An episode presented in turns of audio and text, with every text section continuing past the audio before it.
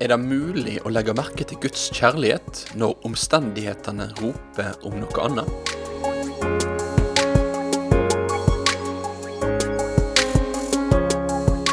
Velkommen til et eh, nytt program av Ord til liv med radio- og TV-pastor Ingvald Kårbø.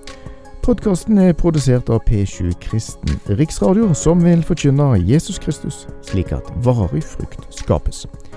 Vi er takknemlige for alle våre støttespillere.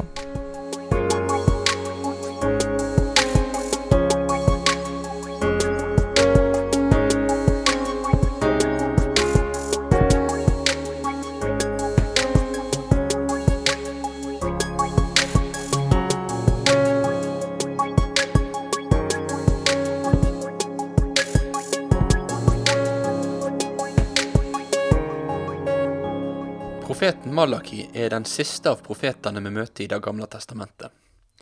Han virka som profet i tida etter at israelsfolket hadde kommet tilbake fra eksilet i Babylon.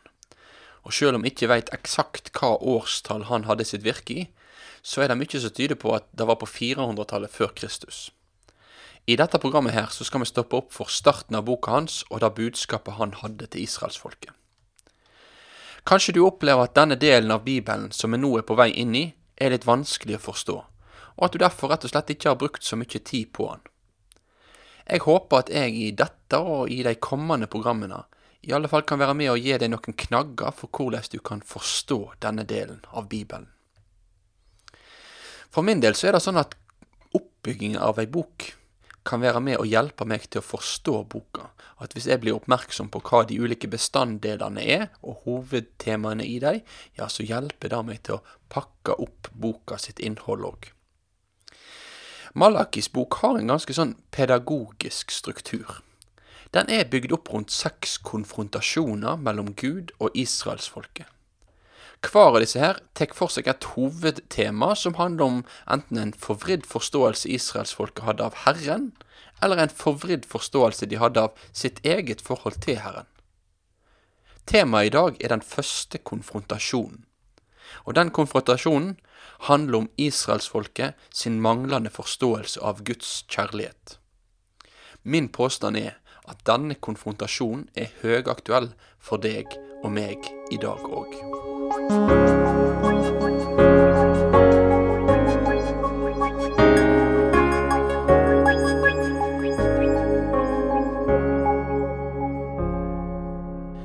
leser sammen fra Malaki kapittel 1 og vers 2 til 5.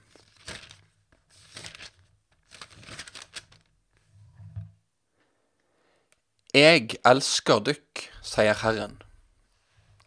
Men det sier, Hvordan elsker du oss? Var ikke Esau bror til Jakob, sier Herren. Jeg elsker Jakob, men Esau hadde jeg uvilje mot. Jeg gjorde fjellet hans til ei auden, eiendommen til en ørken for sjakaler. Edom sier, vi er knuste, men bygger ruinene opp att. Men så sier Herren over hærskarene, de bygger opp, men jeg river ned. De skal kalles landet av urett, folket som Herren er harm på for alltid. Det skal sjå det med egne auge, og det skal seie, Herren er stor, ut over Israels grenser. Amen. Når Gud kommer med dette ordet til innbyggerne i Jerusalem, så er ikke hverdagene til innbyggerne i byen på topp. Det er mye som tyder på at da å være en jøde i Jerusalem på 400-tallet egentlig var et ganske tøft liv. De hadde kommet tilbake fra eksil noen tiår tidligere, og tempelet hadde blitt gjenoppbygd. Men fortsatt så lå bymurene i ruiner, noe som gjorde de utsatte og sårbare for herjinger fra nabofolkene. Videre så kan det se ut til at jordbruket i landet ikke var så bra, og at fattigdom og matmangel dermed heller ikke var uvanlig. Det var en utrygg hverdag. Inn i denne situasjonen får de nå høre fra Herren, og Herren sier til de, Eg elsker deke. Hvordan i alle dager kunne de se Guds kjærlighet med dette mørke bakteppet? Deres bitre svar peker på at bakteppet har overskygget Guds kjærlighet. Hvordan elsker du oss? svarer de.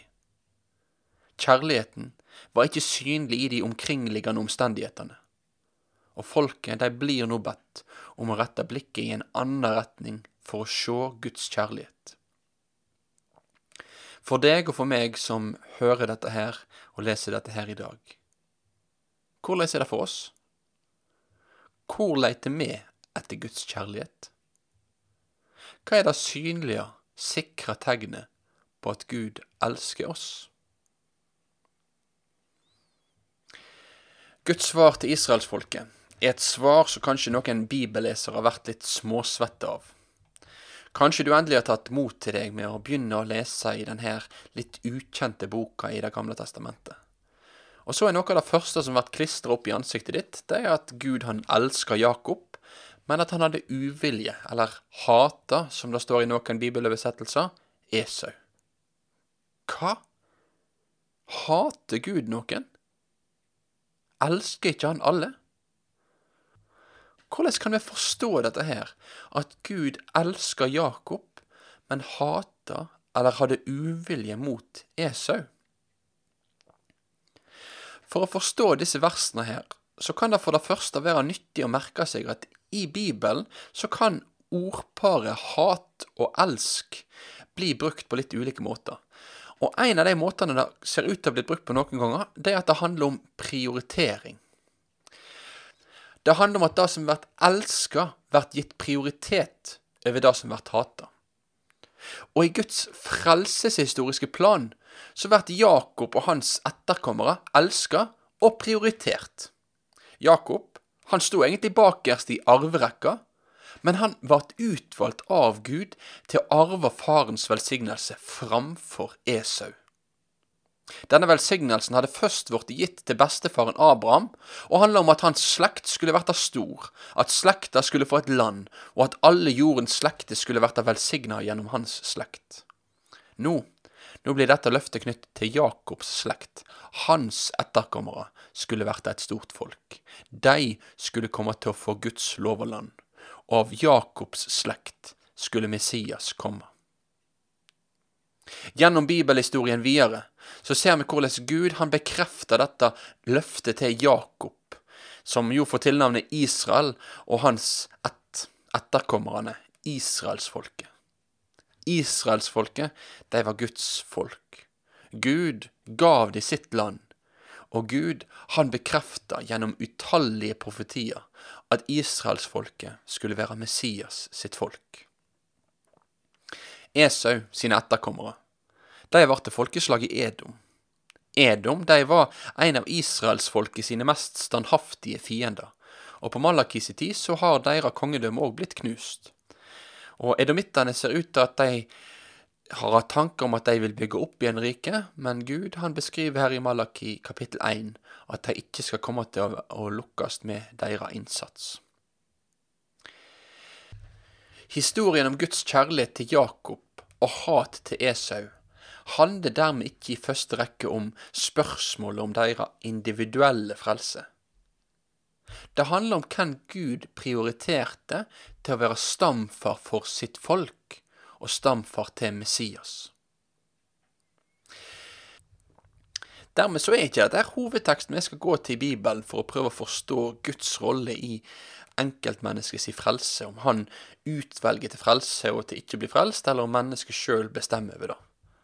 Dette spørsmålet om utvelgelse, eller predestinasjon, som det ofte har vært kalt, da er jo et spørsmål som kristen gjennom historien har samtalt mye om, og jeg vil ikke gå nærmere inn på det her, men kanskje en gang i framtiden vi kommer til å bruke litt mer tid på det i Ord til liv. Det som jeg bare vil understreke i denne sammenhengen, det er at poenget i denne teksten er ikke primært Guds frelsesutvelgelse, men det er Guds frelseshistoriske utvelgelse. Men tilbake til spørsmålet som Guds folk Israel stilte seg. Hvordan elsker du oss? Gud, han understrekte her at han hadde vist og viste sin kjærlighet til sitt folk på plasser der de ikke leita. Det var kanskje vanskelig for deg å få øye på Guds kjærlighet akkurat i øyeblikket. Men i det at Gud mot alle odds hadde gjort deg og ikke edomittene til sitt folk, og at han hadde bevart dette folket her i generasjon etter generasjon etter generasjon. Der viste Gud sin kjærlighet til deg. Så vil jeg stille spørsmålet til deg. Hvor kan du finne Guds kjærlighet? Elsker Han deg? Vel, kanskje du kan være litt sånn som israelsfolket, at du leiter på feil plasser. Kanskje du først og fremst leiter etter Guds kjærlighet i dine erfaringer, i dine følelser eller i dine opplevelser. Og ja, du kan finne spor av Guds kjærlighet her. Kanskje du akkurat nå kjenner, føler, deg elsker av Gud. Og da skal du virkelig få være takknemlig for. Men hva når du ikke føler deg elska? Kan du da likevel være elska? Hvordan viser egentlig Gud sin kjærlighet til deg og meg?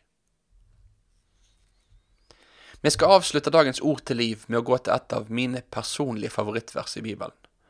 Det står i Romerne kapittel 5 og vers 8. Her står det Men Gud viser sin kjærlighet til oss ved at Kristus døde for oss medan vi enda var syndere. Legg merke til grammatikken i dette verset her, for noen ganger så kan grammatikk være veldig oppbyggelig. Det står i starten av verset Men Gud viser. Viser er nåtid. Det er presens. Så dette verset her, det forteller meg ikke om at Gud en gang i historien viste, eller en gang i framtida skal vise sin kjærlighet. Det handler om hvordan han viser, synliggjør sin kjærlighet her og nå. Her og nå så synliggjør han sin kjærlighet til oss ved at Kristus døde for oss. Og nå så er tida endra. Nå er det ikke lenger nåtid, men fortid. Kristus døde. Han har dødd. Han har dødd for deg og meg. Det er et historisk faktum. Det står fast i historien. Det har skjedd. Og her, i dette historiske faktum, har Gud forankra sin kjærlighet. Han viser i dag òg sin kjærlighet i det som har skjedd på korset. Gud elsker deg. Og beviset på det har du i at Jesus døde for deg. Jeg kan vite at han elsker meg, fordi jeg veit at Jesus har dødd. Ja, at han har dødd for meg. Takk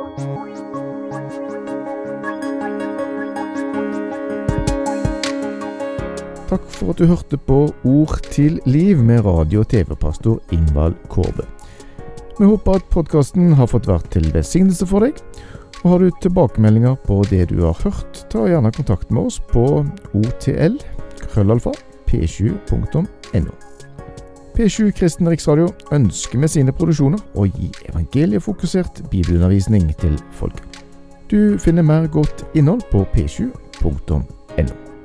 P7 Kristen Riksradio er takknemlig for alle som støtter kanalen, både gjennom bønn og givertjeneste. Om du vil være med og legge til rette for P7s framtidige drift, så er vi takknemlige for din støtte. Vips oss da gjerne allerede nå på nummer 5477767. Takk for din støtte.